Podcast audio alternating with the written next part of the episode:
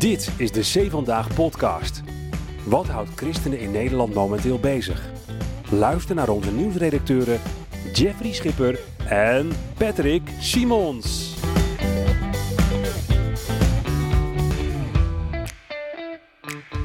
Een week na de speciale Israël-podcast met opperrabijn Jacobs en Kees van Velzen gaan we naar deel 2 met Patrick Simons. Want het is ook weer vandaag Israël, Israël en Israël. Vorige week de opperrabijn, nu de opperchristen. Kijk, zat het ook in je profiel? Ik heb het over jou, hè? Ik heb het over jou. Oh, oh oké. ja, ja, ja, pas op. Nee, ik ben de nederigste aller mensen. Ja, ja, zeker weten. Ja, ja. Nederige kan bijna niet nee, ook. nee, ik ken Nee. niemand die zo nederig is als ik. Nou, laten we dan maar gelijk eh, gaan horen of dat eh, ook ten, tot uiting komt in de ergernis van de week.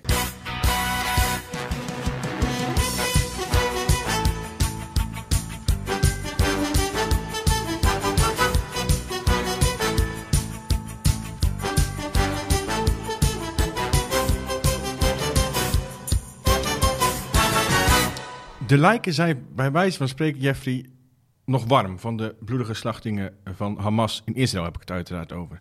Eh, er zijn baby's onthoofd, er zijn baby's levend verbrand, er zijn baby's vermoord. Feestende jongeren op een warempel, notabene een festival voor de vrede, ehm, zijn bruut verkracht en afgeslacht.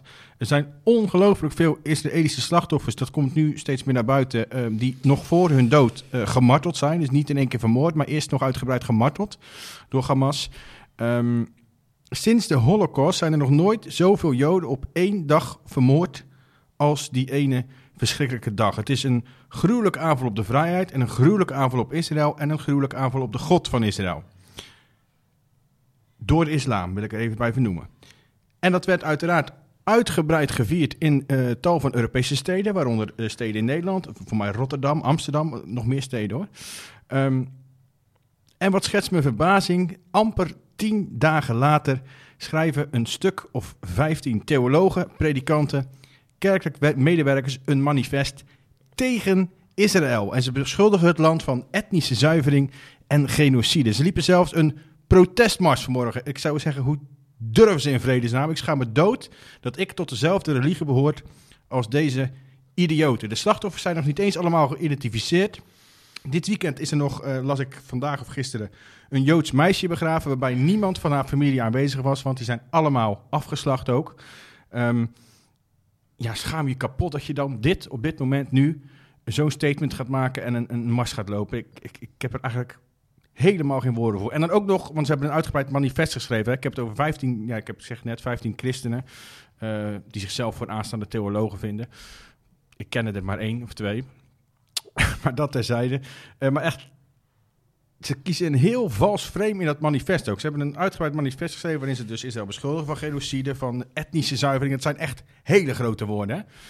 En dan kiezen ze, als voorbeeld noemen ze van genocide. Ze zeggen ja, eh, de Israëlische leiders die slaan genocidale taal uit. En noemen ze als voorbeeld noemen ze een uitspraak van de minister van Defensie, die na die eh, gruwelijke aanslagen en aanvallen van Hamas ehm, behoorlijke oorlogstaal uitsloeg. Dat kunnen we niet ontkennen. En die zei, die had het over onze vijanden zijn beesten, dus die moeten we ook zo behandelen. Wat zeggen die manifestschrijvers nu? Ja, Israël noemt eh, heel Gaza, eh, alle Gazanen beesten. Dus ze gaan, dat is genocidale taal. Nou, dat is dus absoluut niet waar. Ze noemen het, hij heeft het specifiek over de Ham- Hamas-strijders die eh, op gruwelijke wijze tekeer zijn gegaan. Dat zijn de beesten, want dat is de vijand. Het Palestijnse volk is niet de vijand. Ja, ja. Maar zij kiezen dus bewust dat frame. Echt, ik heb me... Ja, het is vandaag toevallig gebeurd. Daarom ben ik misschien nog een beetje... Ik ben er nog steeds verontwaardigd over, laat ik het zo zeggen. Echt heel, heel smerig en zeer, zeer, zeer kwalijk. Het laatste nieuws uit christelijk Nederland bespreken we in de Zee Vandaag podcast.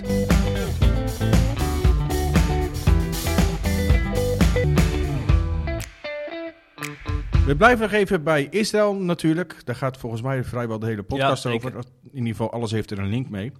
Ehm, de aanslagen waar die oorlog mee begon, waar ik het ook al over had, hè, die waren, kwamen eigenlijk totaal onverwacht. Voor, voor de hele wereld, inclusief de, de Israëlische veiligheidsdiensten. Wat best wel bijzonder is trouwens, maar dat terzijde.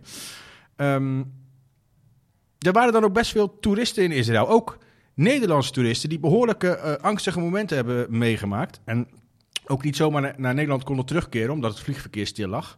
Eh, en onder die mensen waren twee groepen leerlingen van een reformatorische middelbare school. Eh, Guido de Brij in Rotterdam. Dat is een eh, school die onderdeel is van Driestar Wartburg, zeg ik dat Ja, goed? klopt. Dat is een scholen, scholengroep met verschillende reformatorische scholen. Ehm, even voor de duidelijkheid, wat ik nu ga vertellen is klein leed vergeleken bij wat er eh, bij, die, bij die bloedige aanslagen. Hè? Wat was het geval? Er waren twee groepen.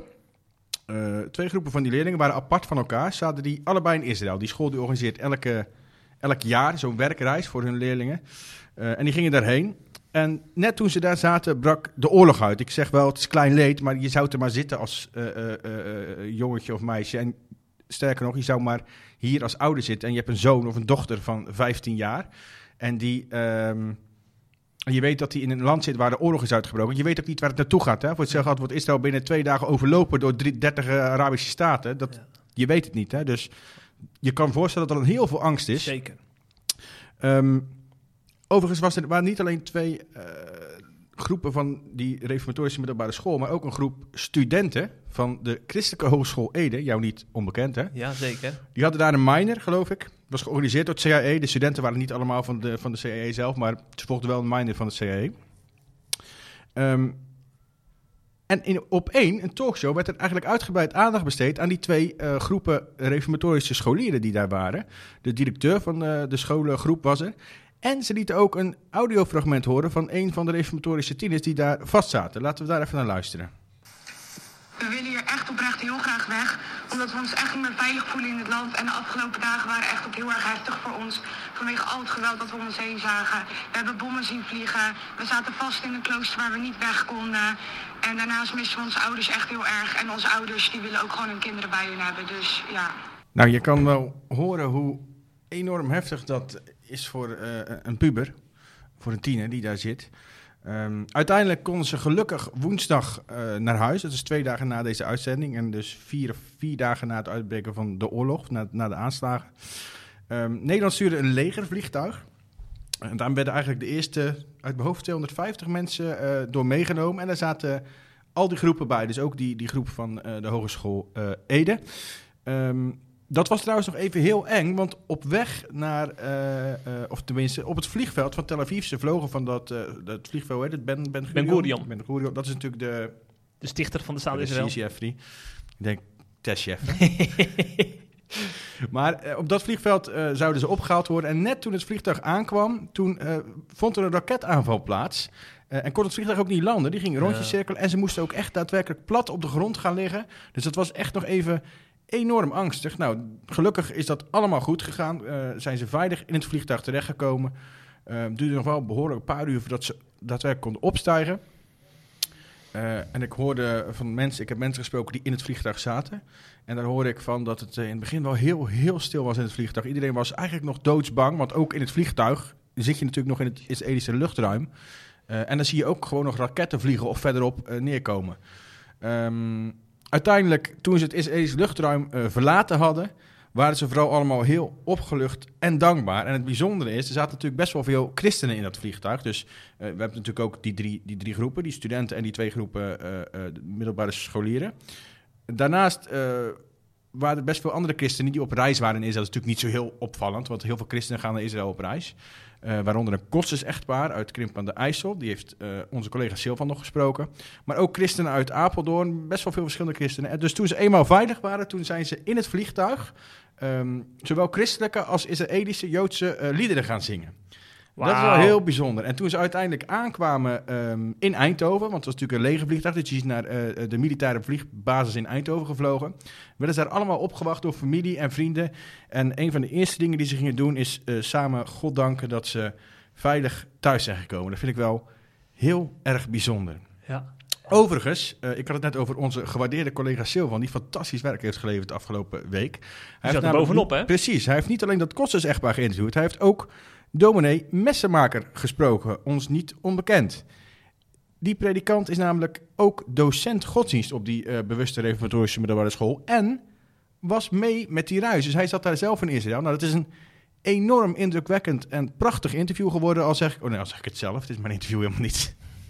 Ehm, hij vertelde onder meer hoe ze dat allemaal beleefd hebben daar, ehm, hoe bang ze waren, maar hoe ze tegelijkertijd op God vertrouwden. Hij vertelde bijvoorbeeld ook dat ze op, op, op het dak van het klooster waar ze moesten schuilen.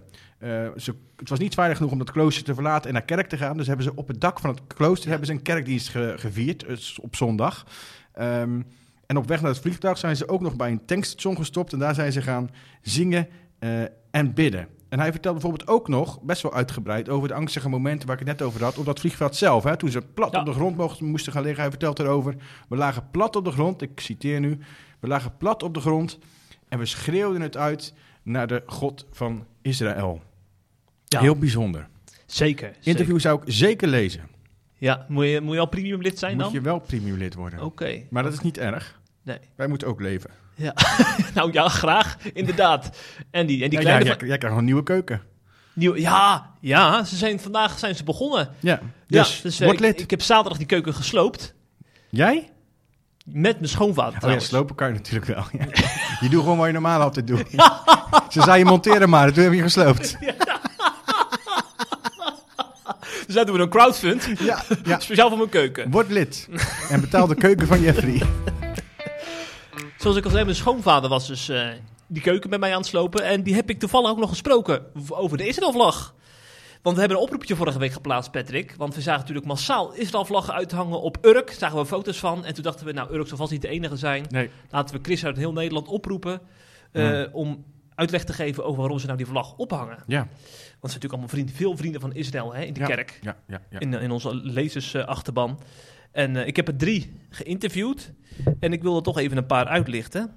Eh, zo sprak ik met eh, Laura Otterspeer. Zij is vrijwilliger van Christenen voor Israël en woonachtig in Ouderkerk aan de IJssel. ja. En zij was nog maar een week vo- voordat de aanslag, de aanval op Israël plaatsvond, was zij in Israël met een vriendin. En ze zei dan ook eh, in het interview dat ze nog met haar, met haar eh, hart in Israël was, terwijl ze eigenlijk natuurlijk alweer eh een aantal dagen terug was. Ze heeft nog een Loofhuttenfeest meegevierd, ook in Jeruzalem. Dus het was allemaal heel erg vers, al die Israël-ervaringen. En toen zei ze tegen haar man, in dat weekend waarin alles losbarstte, ik wil iets doen. En ja, wat kun je dan doen op zo'n moment? Dat is dan toch die Israël-vlag uithangen die je hebt liggen. En dat heeft ze dan ook gedaan uit medeleven met het Joodse volk. En eh, ook een gebedsoproep via onze website geplaatst naar alle christenen die ons lezen. Om ook vooral voor het Joodse volk te bidden. En niet alleen voor hen, ook natuurlijk voor al die arme Palestijnen die tussen Hamas en Israël eh, tussen twee vuren in zitten, als het ware. En ze vroegen ook om gebed, vond ik wel mooi, voor de terroristen zelf. Want die zouden we bijna vergeten. Die mensen hebben natuurlijk ook gewoon vergeving nodig. En wat zou het mooi zijn als dan zo'n terrorist op bekering komt. Daar gaan we aan het eind van de podcast nog een verhaal over horen. Ik zie jou een beetje fronsen, Patrick. Wil jij die frons misschien toelichten? Nee, nee. Oh, nee. Dan ga ik dingen zeggen waar ik spijt van Oké, verstandig. Wat een wijze man. Ik, ik kan niet voor terroristen bidden. En ik vind het ook moeilijk om te bidden voor mensen die die terroristen aan de macht hebben geholpen in Palestina. Snap ik. Want we kunnen zeggen, ze zijn allemaal onschuldig. Dat is natuurlijk niet waar, hè? Hamas is gekozen hè? Mhm. door diezelfde Ja, Palestijnen. ja, 2000. Alleen, daar moet ik gelijk bij... Dan zeg ik, ik ga niks zeggen, dan ga ik het toch doen. Ja, ja. Ehm, daar moet ik wel gelijk bij zeggen dat de gemiddelde leeftijd 18 jaar is daar. Hm. Eh, dus er zijn heel veel kinderen, heel veel tieners. En die zijn wat mij betreft per definitie onschuldig. Ook als ze joden haten, want dat wordt ze aangeleerd. Brainwashing. Dus er zijn wel degelijk heel veel onschuldigen natuurlijk. Ja. Eigenlijk spreek ik mezelf tegen. Maar we moeten niet doen alsof er een klein groepje terroristen is... Nee. en de rest allemaal hele lieve, vreedzame Palestijnen zijn. Dat, dat, is, dat is niet waar. Ja. Mijn schoonvader is wel op beamen. Die luistert ook regelmatig de podcast. Dus eh, hij... Heeft hij ook de vlag uitgehangen? Ja, nou, nou, eigenlijk zijn vrouw. Mijn schoonmoeder dus. Maar hij heeft zelf toegelicht waarom die vlag uithing. Oh, je hebt Eh, ook je schoonvader geïnterviewd. ja, ja, ja, ja. Wat een professionaliteit ook weer. Ja, goed hè? Ja. Je eigen Heb je ook je vrouw geïnterviewd nog? Toevallig? Heb ik al een paar jaar geleden gedaan over de scriptie. En je schoonzus? Ja. Ja, ja. Ik heb En de je- hele familie Je geïnterviewd. zusje ook al? Nee, nee, die zitten weinig in de christelijke wereld, denk ik. Oei. Ja, ja, ja, dus die ga ik niet zo snel interviewen. Nee. Nou, of daar kan je ze ook over interviewen. Nou, ze is wel christen, alleen ze doet geen dingen Ja, voor de ja, christelijke wereld. Ja. Eh, mijn schoonvader, eh, die zei het volgende. De, hij merkte dus op dat eh, me- burgemeester Halsma in eerste instantie de vlag ophing bij de Stopera. Die trouwens al snel weer weg was, hè, begreep ik. ja. Ja, na een dag of zo. Ja, maar dat is niet zo van de woord houden. hè. Ik heb haar ook Nee. horen zeggen, we gaan ingrijpen bij een Palestijn, eh, bij, bij de pro- pro-Palestijnse demo, bij dit en dit en dit en dit. Ik zag al die punten zag ik gebeuren en er werd niet ingegrepen. Mm, mm, Maar dat is hij. Ja. Sorry, ik zit vol frustratie. Eigenlijk is deze podcast één grote ergernis. Ja, maar dat mag ook wel hoor. Dit is nog maar, eh, nog maar twee weken geleden allemaal. Nog niet eens.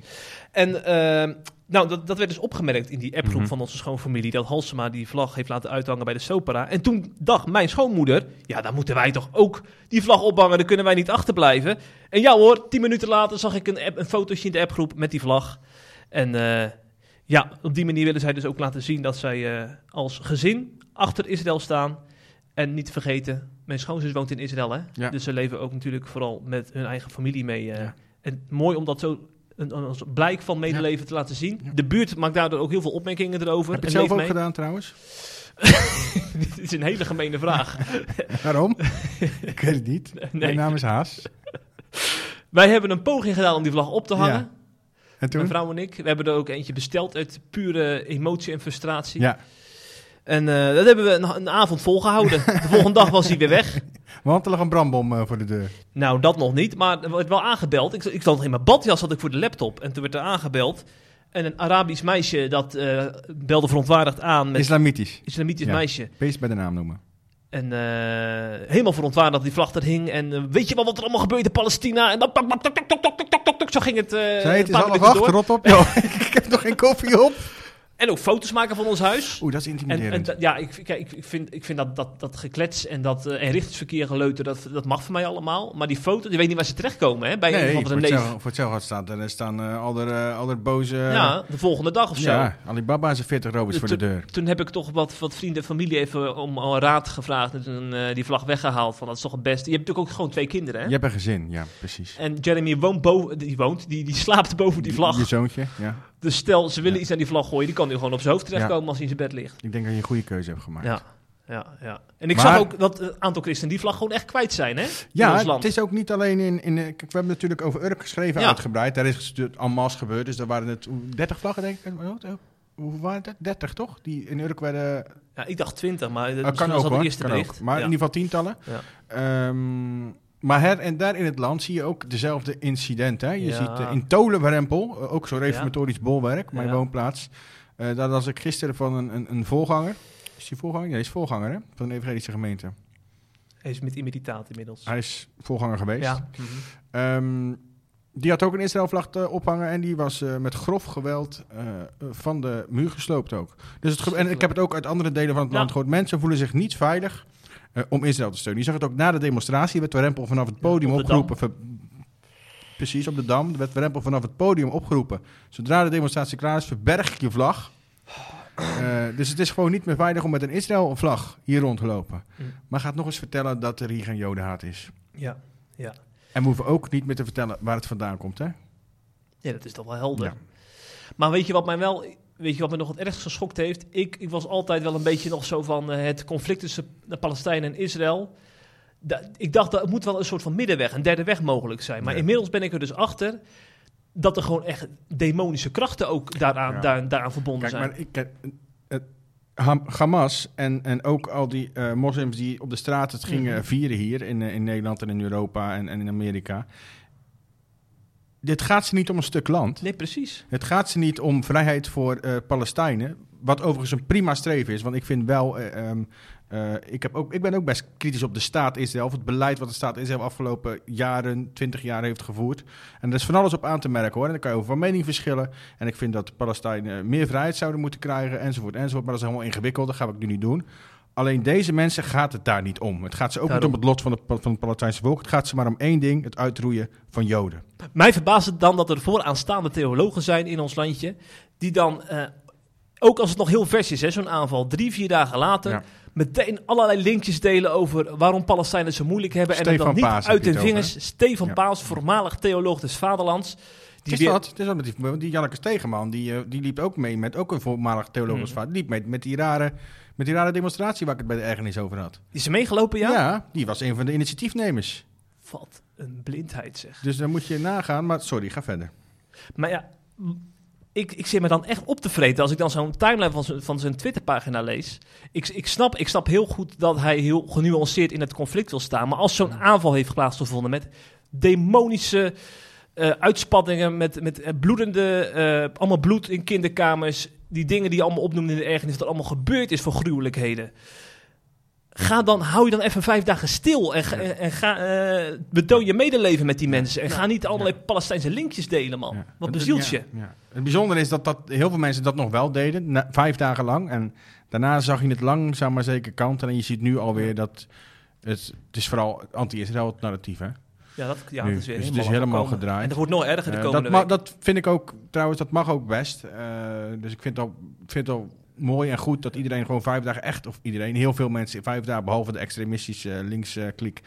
Eh, maar de rest heeft zich best wel vijf dagen echt met die aanslag zelf bezig gehouden, Ja. erbij stilgestaan, eh gevlacht in verschillende steden en dorpen in Nederland. Dat vind ik nog meevallen. Ik had eigenlijk verwacht dat gebeurt helemaal niet. Mm. Ik vind het dan wel weer opvallend dat we dan geen minuut stilte hebben op de voetbal, eh, eh, eh, tijdens de voetbalwedstrijd. Terwijl dat wel gebeurt als er een aardbeving in Tunesië is. Of een aanslag in Parijs. Of een aanslag in Nieuw-Zeeland. Selectief. Ja, dat snap ik ook niet. Maar over het algemeen vond ik dat, vond ik dat wel mooi. Alleen wat ik net zei. ehm, het gaat de tegenstanders van Israël. En dan heb ik het over de tegenstanders die ze aanvallen. Dus niet, niet hier. ehm, en de moslims niet om een stukje land. Het gaat ze niet om het Palestijnse volk. Het gaat ze om het uitroeien van de Joden. En ga als theoloog of predikant, ga je eens met een geestelijke bril naar dit conflict kijken. Niet alleen maar geopolitiek duiden, maatschappelijk duiden. Er zit veel meer achter dit hele conflict. Tuurlijk. En het, het kwaad, dat, dat, is echt, dat, dat heeft gewoon een gezicht gekregen. Het kwaad wil Israël al vanaf, vanaf, vanaf de Bijbelse tijd kapot hebben. Het Joodse volk. Er is dus een rechtstreekse lijn van Amalek naar Hitler naar Hamas. Dat is gewoon heel helder. Geestelijk. Geestelijk, ja, geestelijk. De Joden moeten dood. Juist. Is ja, dat, ongelooflijk. precies. Het is verschrikkelijk. Nou, en eh, de opperrabijn, die maakte zich ook zorgen, hè? Ik was Ach, vorige week bij hem. die man. Ja, die, die, die kan al nauwelijks overstaan, want dan wordt hij al nageroepen in het park. en dan zal ja, het de komende dat- weken Dat weer. heeft hij vaak mee te maken. Hè? Ja, Wel nog redelijk onschuldig hoor. Dus, eh, zeker. Ja. Maar hij is bang dat dat nu erger wordt. Ja, ja. Ehm, overigens hoorde ik ook, eh, ehm, we hadden net eh, hebben wat we een lunch met eh, iemand die in Amsterdam studeert. En die doet daar Joodse studies, Joods-Hebreeuwse studies. Mhm. En die vertelde dus dat sinds... het was al moeilijk om met keppeltjes over straat te gaan in bepaalde steden, bepaalde wijken. En dat is nu alleen nog maar moeilijker geworden. Dus Mm. ze worden de jodenhaat in Israël neemt, of de jodenhaat in Europa, Ja. in specifiek Nederland, neemt toe door een aanslag op Israël. Laat dat eens even Ja, bezinken. Ja, ja, Er worden is- Israëliërs afgeslacht en eh, Israël reageert en daardoor neemt de jodenhaat hier toe. Het is echt van de gekken. Maar goed, eh, Opperabaan Jacobs inderdaad, dat is een vriend van ons. Hè? Die, die Ja. schrijft regelmatig columns voor ons, we spreken hem regelmatig. Zeker. Ehm, jij hebt hem geïnterviewd, je hebt in de podcast gesproken. Ja, hij heeft ook een column geschreven, eh, al vrij snel, volgens mij een dag na de aanslagen al. Ja, Ehm, snel bij. En in die column lichtte hij iets uit wat in veel media eh, eigenlijk slechts kort vermeld was, eh, maar wat, wat ik wel heel bijzonder vond. Ehm, die enorme terroristische aanval waarmee de oorlog begon, de aanval van Hamas, die begon namelijk ehm, op een bijzondere feestdag, een Joodse feestdag. En die feestdag heet eh, de Vreugde der Wet. Dat is een, een, een heel groot feest waarbij het Joodse volk haar dankbaarheid toont omdat ze van God de Torah hebben mogen ontvangen en die tot op de dag van vandaag kunnen eh, bestuderen, uit, uitlezen, uitleren, lernen. Ehm, het is een officieel feest volgens de Joodse wet en die eh, volgt direct na het slotfeest van Loofhutfeest. Dat was dus de zaterdag dat de aanslagen plaatsvonden. Dat is Hm. Waarschijnlijk ook een bewuste keuze geweest, al denk ik ook dat het, het was ook precies zoveel jaar na de Yom Kippur-oorlog. Hè? 50 jaar later. Dus ja. dat zal meer een reden zijn geweest, denk ik. Maar goed, die, die, precies op die dag, een dag waarin extreme vreugde centraal, centraal staat bij de Joden, dompelden die terroristen eh, uit Palestina Mhm. eh, het hele land in diepe rouw. En ik vroeg aan de rap, wij mogen hem de rap noemen, Eh, of ik mag dat in ieder geval. ik weet niet, hoe- jij noemt het nog steeds netjes opperrabijn zeker. Doe ik, ja, doe ik wel. Nou, eh, ik vroeg of hij in zijn column juist aandacht wilde besteden aan, aan, aan, een- aan die feestdag zelf. Hè? En, en de combinatie daarmee dat juist dan, dat is natuurlijk een enorm contrast. Een heel land in rouw op een dag waarop eh, de Joodse religie eh, juist enorm blij zou moeten zijn. En wat hij erover schreef, daar raakte ik echt enorm van onder indruk. Eigenlijk alleen van de titel al. Die titel was namelijk Waarom Joden, ondanks de terreur, zaterdag met een onvoorstelbare vreugde danste. Dan denk je, wat gaat er nou komen? Nou, schrijft, legt hij helemaal uit. Hij, hij vertelt nog meer in die column. Maar eh, dit specifieke punt, en dat ga ik nu even citeren, want dan kan ik het beste doen in plaats van het, in plaats van het zelf uit te leggen. Hij schreef als volgt: Als een mens voor de koning staat en eigenlijk een straf zou verdienen voor een misstap die hij heeft begaan, dan is het denkbaar dat als de koning in een zeer goede bui is, hij afwijkt van de wet en vanuit een innige blijdschap degene die gestraft had moeten worden juist beloont of vrijspreekt. Als ik een medemens vriendelijk en correct bejegen, dan is de kans groot dat hij zich ook naar mij vriendelijk opstelt. En dat is precies de betekenis van de vreugde der wet. Wij, Joden, zijn intens dankbaar aan de eeuwige, onze God, dat hij ons zijn Torah heeft gegeven, zijn heilige woorden, zijn Bijbel. Wie we ook zijn, wat er ook gebeurt, dat geschenk genaamd de Torah kan ons, het Joodse volk, niet en nooit worden ontnomen. En als wij ons ondanks alles toch intens en uitbundig verheugen met de Torah, dan hopen we dat ook hij zich naar ons toe vreugdevol zal opstellen en dus de gewone regels, net als die koning, niet zal hanteren. Niet zal straffen, terwijl feitelijk dat wel terecht zou zijn naar ons mensen toe. En daarom werd er in de synagoge, waar ik Simchat Torah, dat is de vreugde der wet, vierde, juist met een bijna onvoorstelbare vreugde gedanst. Nou, het is om stil van te worden. Ja, dat je dit, dat je dit kan zeggen een paar dagen na die Ja. laffe aanval. Ja, maar dat dezelfde dag nog aan het dansen ben. Ja, ook, ja nee, dat vooral. Dat ze zeggen, we zijn vooral. juist ook al, want ze- ze kunnen doen wat ze willen, ze kunnen aanslagen plegen wat ze willen. God, zijn woord, pakken ze nooit van ons af. Wat ze ook doen. Hm, hm. God heeft dat aan ons gegeven en dat, dat laten we ons niet, dat kan niet afgepakt worden. Dat is fantastisch. Dat het ook een aanleiding zijn om ons in de Joodse wortels van ons geloof te blijven verdiepen. Hè. Dat kunnen we zo van hen leren. Die en houding om, opzichte van precies. Want die houding die zie ik Ja. bij weinig christenen, inclusief mezelf hoor. Ja, ja, ja, want ik krijg niet dansen hoor. Eh, ja, Dan, nee. nee, dan denk Nee. ik van God, eh, dan ga ik met mijn gebalde vuist naar de hemel Ik ook, staan, zeg ik maar. ook. Ja, ja, Ik ook. ja. Hey, maar Christen voor Israël, die maken een dagelijkse uitzending sinds de aanval op Israël met... eh, Nog steeds? Nog steeds? Ja, ja, op YouTube ook terug te kijken. Vaak met een aanwezige predikant ook, die uit, eh, uit het woord wat leest. En eh, met een interview, die, eh, via live verbinding eh, in, in Israël. Daar- Dit zijn de bekende namen, neem ik aan. Willem Glashouwer is geweest. Kees van Kees Velsen. van Velsen is langs Ja, geweest. Oscar Lohuis. Iedereen die van Oort heeft wel zijn achternaam is geweest. ja, mooi ja, dat dat. zijn er wat, hè? Ja, Ja. zeker, zeker. Ja. en laten we niet Sarah van Oort vergeten, is niet de minste. Die, Sarah van Oort, die, die, die, die, mocht presenteerde, schitteren. die presenteerde op de Dam en dat deed ze fantastisch. ja, moeten we toch even zeggen, toch ja, dat Pet? vond ik fantastisch. Ik ben heel erg fan van die vrouw. Ja, ja, Hoe, ja. zij, hoe zij zich presenteert, zeg maar. Mhm. En van haar accent ook. Ik vind Ja. ze een heel mooi accent heeft. Ja. En zij presenteert dus ook deze uitzendingen bij Christen voor Israël, Mm. die je op YouTube kan terugkijken. En van de week was Oscar Lohuis, ook een bekende Ja. spreker, was daar aanwezig. Israël dominee ook, hè? Ja, ja, zeker. En ehm, nou, ik vond het wel bijzonder, want hij vertelde over hoe hij geschokt hij persoonlijk was door die aanval op Israël. Omdat hij eh, ook wel echt eventjes daardoor geen hoop meer had en eh, niet meer zo goed raad wist met al die hoopvolle teksten uit de Bijbel.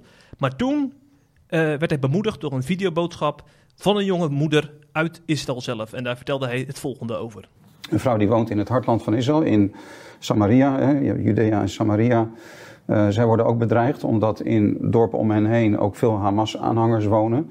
Eh, dit is een jonge eh, Joodse vrouw met kinderen wiens man nu ook in het leger is gaan dienen. En zij sprak over hun situatie nu, maar daarbij zei ze ook iets wat me echt, wat ik niet wist en wat, eh, wat me echt wel raakte. En dat is dat zij zei dat op de eerste dag van de maand Elul, dat is eh, in de kalender van de Joden.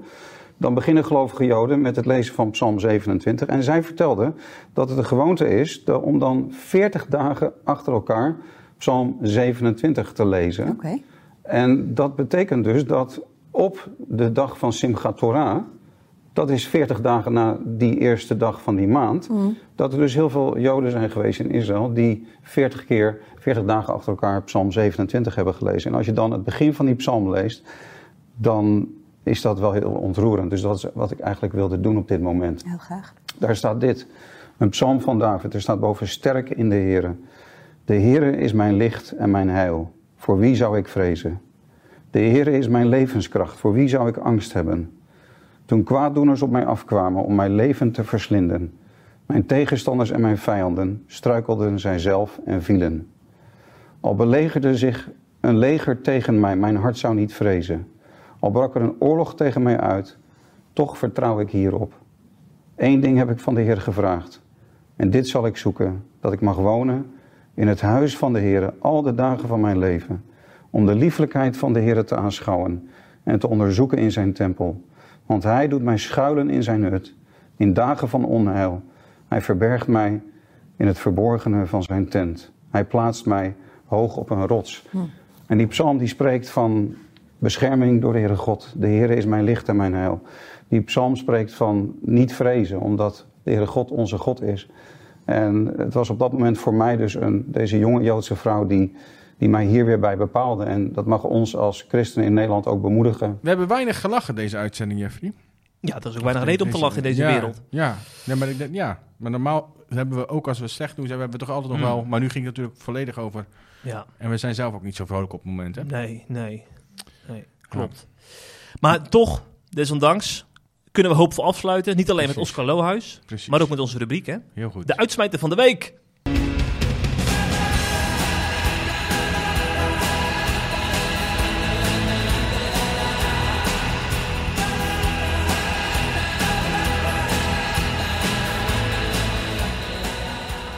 Ja, we hebben een positief nieuwsredacteur bij eh C Vandaag. Ja. Die Jouw naamgenoot? Die heet Patrick, ja. Ja. Patrick de Goede. Ja, precies. En ik ben de slechte. En hij had een Israël berichtje vandaag. En ik dacht, nou, dan moet dat ook positief zijn. Zo. En ja, Ga jij nou raar praten? ging ik eraan praten? Ja, je praat alsof je een juffrouw bent in de kleuterklas. ik kan positief zijn. ja, ja. Weet je, het jeugdjournaal is dat, dan word je Ja, ook zo aangesproken. Fijn dat ik er zo jong uitzie. Ja, zie maar als een compliment dan. Precies. Ja, maar die Patrick die, eh, eh, had een heel mooi bericht opgepikt eh, van een voormalig Hezbollah-terrorist. Want ja, we hebben niet alleen Hamas helaas rond, rond de grenzen van Israël, maar ook Hezbollah aan het noorden. kant, hè? Ja. Ja, dus die laten ook wel van zich horen deze dagen. Maar deze man niet meer, want hij is bekeerd. Afshin Ziafat. Hij vertelde in een video heel geëmotioneerd over zijn bekering. En eh, dan vertelt hij over zijn eh, gevangenisperiode in Maleisië. Eh, daar begon het eigenlijk, want eh, hij, hij, hij riep Allah aan. Eh, maar toen eh, had hij toch echt het idee dat, eh, dat, er, dat er een andere God tot hem sprak.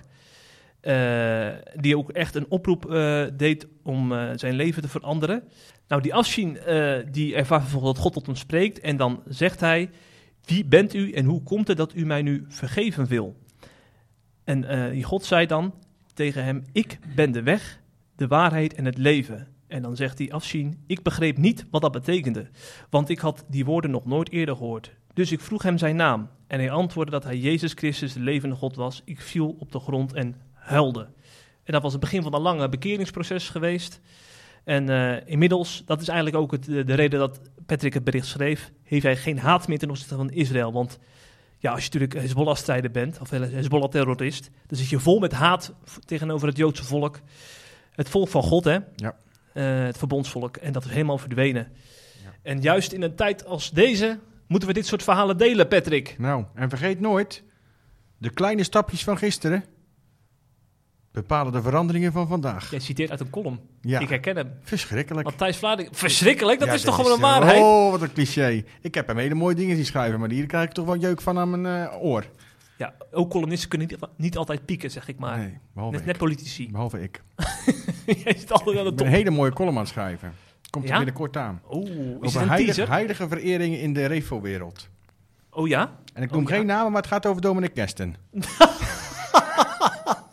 Jij hebt geen schilderij met het hoofd van Kersten eh, in je kamer Nee, hangen, volgens nee, mij. En ook geen stoel. Nee. Ik ken een, een dominee, die is inmiddels overleden, die had een stoel van Kesten in zijn eh pastorie. En als er niemand op bezoek kwam, zei hij, kijk, dat, dat, dat is een stoel van Kesten. Daar heeft Kesten op gezeten. Oh, wat erg. Ja, ja. Ja, ja. Maar die verfoeide papen, die, eh, die worden dan vanaf de preekstoel eh, de grond in getrapt. Hè? Want die doen een heilige verering. en het is Ongekend. breder. Het gebeurt ook in de evangelische kerk. Oh, zeker. Maar dat komt allemaal in die column die Ja. er binnenkort aankomt. Ja, Moet je wel weer lid voor worden trouwens. Zeker. Zeker, dat zal wel weer. Ja, Ja, want ook ik moet straks een keuken hebben. of een boot. ik denk eerder het laatste in Ja, jouw geval. dat denk ik ook. Ja, ja, ja. Nou, over keuken gesproken. Ik ga het, eh, eh, straks weer eh, met gierende banden, in jouw woorden Ja. gesproken, naar huis. Want Ja. ik ga kijken of, het, of we het een beetje goed doen in onze keuken. En over boten gesproken, ik ga met gierende treinbanden richting het water. Ah, Want het is ah. mooi weer, zie ik, dus ik ga een Ja. rondje varen. Ja, misschien wel een van de mooiste, de laatste Precies. mooie dagen in, in het najaar. Daarom. Dus maak er gebruik van. Snel een boot kopen. Ja, snel varen. Snel- nog een boot, tweede boot. Tweede boot. Om die andere aan te drijven. Volgende week hebben we een nieuwspodcast met, jawel, Andries Knevel. Ja, doe hem de groeten. Ja, zal ik doen. Dag. Doei, doei. Hopelijk heb je genoten van deze C Vandaag podcast. Volgende week is er weer een nieuwe aflevering. En blijf via cvandaag.nl op de hoogte van het laatste nieuws uit Christelijk Nederland.